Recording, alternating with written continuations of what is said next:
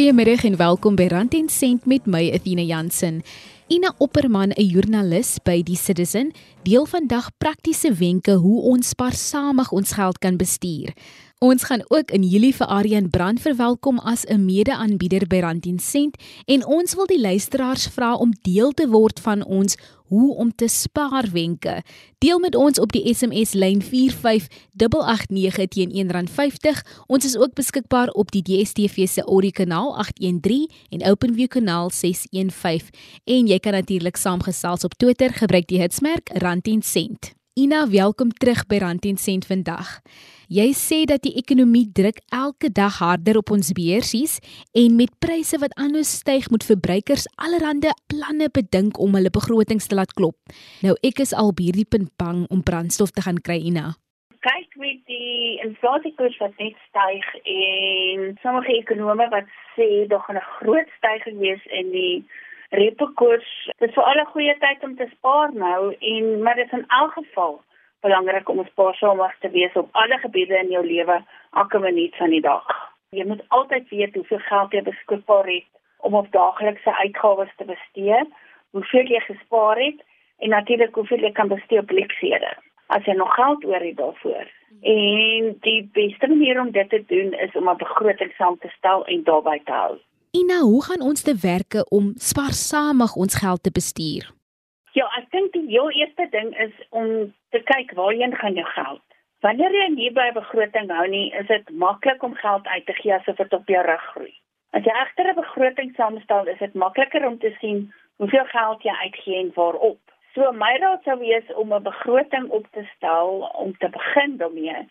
Is skryf vir 'n maand lank elke sent wat jy uitgee neer en waarop jy dit uitgegee het. Nou sal jy sien hoeveel geld jy uitgee op luksede soos wegneem etes en vermaak. Dan gaan jy en gebruik hierdie lys om 'n begroting saam te stel sodat jy kan sien watter uitgawes jy kan sny en watter noodsaaklik is. Daarna maak jy moet jy voorsiening maak vir 'n bedrag wat jy maandeliks spaar vir moeilike tye soos 'n motor wat breek of onvoorsiene mediese uitgawes. Wanneer jy dan jou begroting saamstel en sien waar jy kan spaar, kan jy hierdie bedrag wat jy spaar in jou spaarrekening bære vir wanneer jy dit nodig het. Ja, en dan moet jy ook op die uitkyk wees vir winskoopies om te spaar op versekerings en bankkoste of selfoonkoste.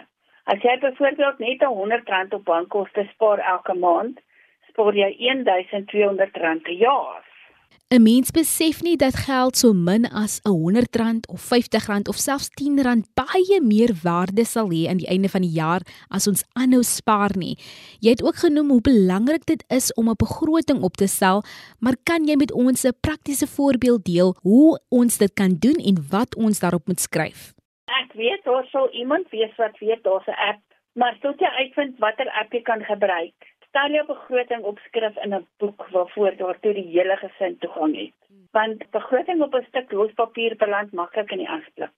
Dan skryf jy in die linkerkant se kolom al jou grootste en noodsaaklike uitgawes neer soos verblyf, vervoer, water en elektrisiteit, selfone, internettoegang, versekerings, skuld, spaargeld, skoolgeld, kredietware, klere en salaris vir jou huishulp. Nou kan jy leksiere byvoeg soos boeke wat nou wel nie vir my 'n leksheid is nie.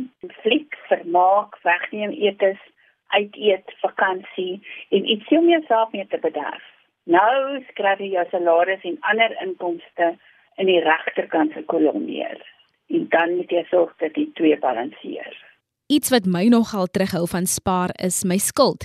Hoe verminder ek dit? Oek, die groot ding is mens kan nie werklik spaar as jy skuld het nie. Niemand kan 'n huis of 'n motor kontant koop nie. Maar die feit bly staan dat minder skuld die beste manier is om te spaar. So my raad sou wees, los jou plastiek geld by die huis wanneer jy winkels toe gaan en vat net jou debietkaart om te verseker jy gee net geld uit wat jy het. Sê nee dankie vir aanbiedings om nog skuld te maak en betaal elke maand 'n bietjie meer aan jou skuld sodat jy dit gouer afbetaal. Ons word konstant gebel vir nuwe kontrakte waar ons moet aansluit en alles word op die foon deesdae gedoen. Dat 'n mens nie altyd duidelik hoor vir hoeveel maande jy jouself vasmaak aan skuld nie. Jy het vroeër genoem dat ons selfs op finansiële dienste kan spaar. Jy kan seker maak jy kies die mees bekostigbare opsie vir bankdienste. Jy kan 'n bietjie ekstra op jou huislening betaal om te spaar op rente en absoluut nie onnodig op krediet koop nie. Jy moet kontant betaal vir kredietware en spaar vir ander diertjies. En indien jy wel 'n kredietkaart gebruik, maak seker dat jy die balans elke maand betyds afbetaal sodat jy nie rente betaal op die skuld wat jy daar maak nie. En dan maak seker jy betaal die laagste moontlike premie se versekerings deur met jou versekeraar te onderhandel oor 'n beter prys. En is baie goedkoper maniere om op krediet te koop as met 'n kredietkaart.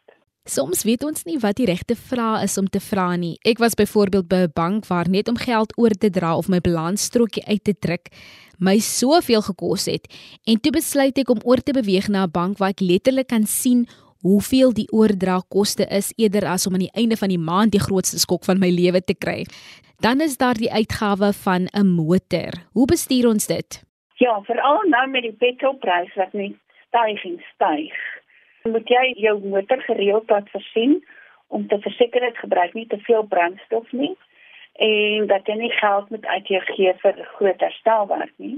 En wanneer jy brandstof laat ingooi, laat sommer ook gereeld die olie, water en banddruk nagaan. Jou motor sal ook meer ekonomies wees as die bande reg opgepomp is en gereeld vervang word. En dan ook veral nou met die petrolprys, beplan jou ritte om seker te maak jy ry nie onnodig op en af nie. Die instandhouding van 'n motor is uiters belangrik. Ina, hoe kan ons tuis spaar? O ja, jy kan sommer begin by jou elektrisiteitsrekening wat een van die grootste geldvrate in jou huis is. Maak werk daarvan om minder elektrisiteit te gebruik deur 'n tydskakelaar op jou geyser te installeer wat dit vir die grootste deel van die dag afsit.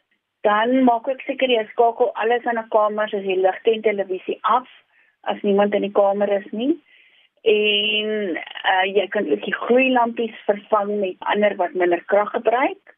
Jy kan klere in koue water was en jou tuimeldroër so min as moontlik gebruik. En wanneer jy weer nuwe toestelle koop, maak seker dit gebruik minder krag.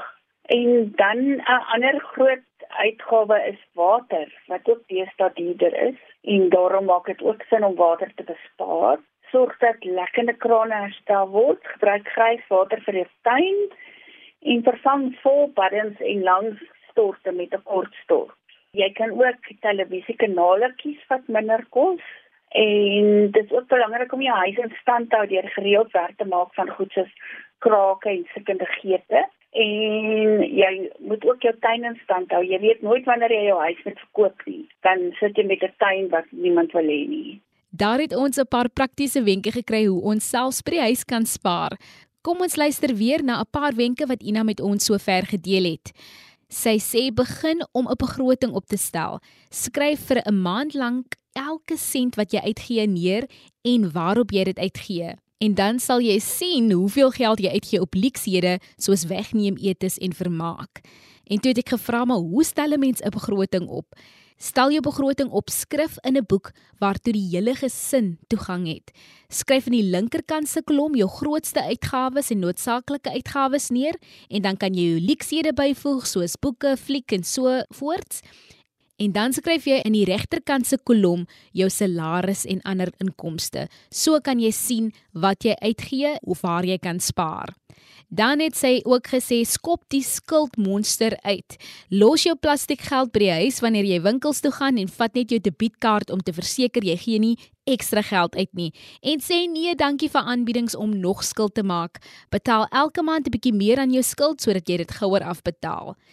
Dan het sy vir ons gesê hoe ons kan spaar op finansiële dienste. Maak seker jy kies die mees bekostigbare opsie vir bankdienste.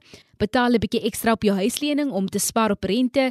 Moenie onnodig op krediet koop nie. Indien jy wel jou kredietkaart gebruik, maak seker dat jy die balans elke maand betyds betaal sodat jy nie rente daarop betaal nie. Maak ook seker jy betaal die laagste moontlike premies vir versekerings deur met jou versekeraar te onderhandel oor 'n beter prys. Dan natuurlik die motoruitgawe. Ina noem dat jy jou motor gereeld moet versien om te verseker dit gebruik nie te veel brandstof nie en dat jy nie geld moet uitgee vir groot herstelwerk nie. Sy het ook genoem wanneer jy brandstof laat ingooi, laat sommer ook gereeld die olie, die water en die banddruk nagaan. En dan die laaste wenk vir ons se breek neem was hoe om te spaar by die huis. Sy het genoem dat verminder jou elektrisiteit gebruik deur 'n tydskakelaar op jou geyser in te installeer, skakel onnodige ligte af, was jou klere in koue water, vervang gloeilampies met ander wat minder krag gebruik. Sy het ook genoem dat die water diede raak, daarom moet ons water bespaar, sorg dat jy lekkende krane herstel, gebruik grijswater vir die tuin en vervang volbaddens en langstorte met 'n kortstort. Kies ook televisiekanale wat minder kos En dan het sy ook genoem hou jou huis in stand deur gereeld werk te maak aan krake en stukkende geete. Onthou ons is ook beskikbaar op die DStv se audiokanaal 813 en OpenView kanaal 615. Gesels saam op Twitter, gebruik die hitsmerk rand en sent en volg ons by ZARSG of jy kan 'n boodskapie na ons SMS lyn stuur 45889 teen R1.50. Ons wil veral by jou 'n paar spaarwenke kry. Ons gesels nou verder met Ina Opperman oor hoe en waar ons kan spaar. Ina, my selfoonkontrak en selfs die hele netwerk is ook vir my 'n groot uitgawe. Het jy enige spaarwenk hiervoor? Want ek kan begin deur 'n goedkoper selfoon te koop en kontant te betaal daarvoor en dit nie uh op jou rekening te sit nie. Dit klink nou baie lekker jy gaan hierdie grand selfoon hê, maar jy gaan betaal vir hom elke maand. En as jy uitwerk, hoeveel jy betaal oor 24 maande? Sal jy sien hoe groot die verskil is en wat jy spaar. Dan kan jy ook oproepe beplan sodat jy liewer jou gratis minute gebruik en gaan jou selfoonrekening daai kanselleer onnodige dinge wat geld kos. Weet ons allerhande goedertjies wat hier op pop op jou foon en jy besef nie dat jy eintlik betaal daarvoor nie. Ina, jy het voor die breek genoem dat ons kan spaar wanneer ons inkopies ook doen. Ja, wees op die uitkyk vir winskoopies belangrike ding, lees die eenheidsprys op die rakke by kleinhandelaars en kyk watter grootte kos die minste. Dis sou wees of per gram of per 100 ml. Baie mense sê jy moet die grootste een koop want jy spaar die meeste. Nee, dis nie altyd die geval nie. So dis hoekom die eenheidsprys daar is sodat jy 'n goeie vergelyking kan maak. Dan gebruik afslagkupons vir moontlik beplan vooraf wat jy gaan koop en maak 'n lysie en moenie afwyk van jou lysie nie. Eet voordat jy gaan inkopies doen, dan voel jy minder lus om allerlei onnodige goed te koop. Probeer om varsprodukte te koop wat vrygestel is van BTW. Jy kan ook pryse vergelyk om te sien waar jy kan spaar.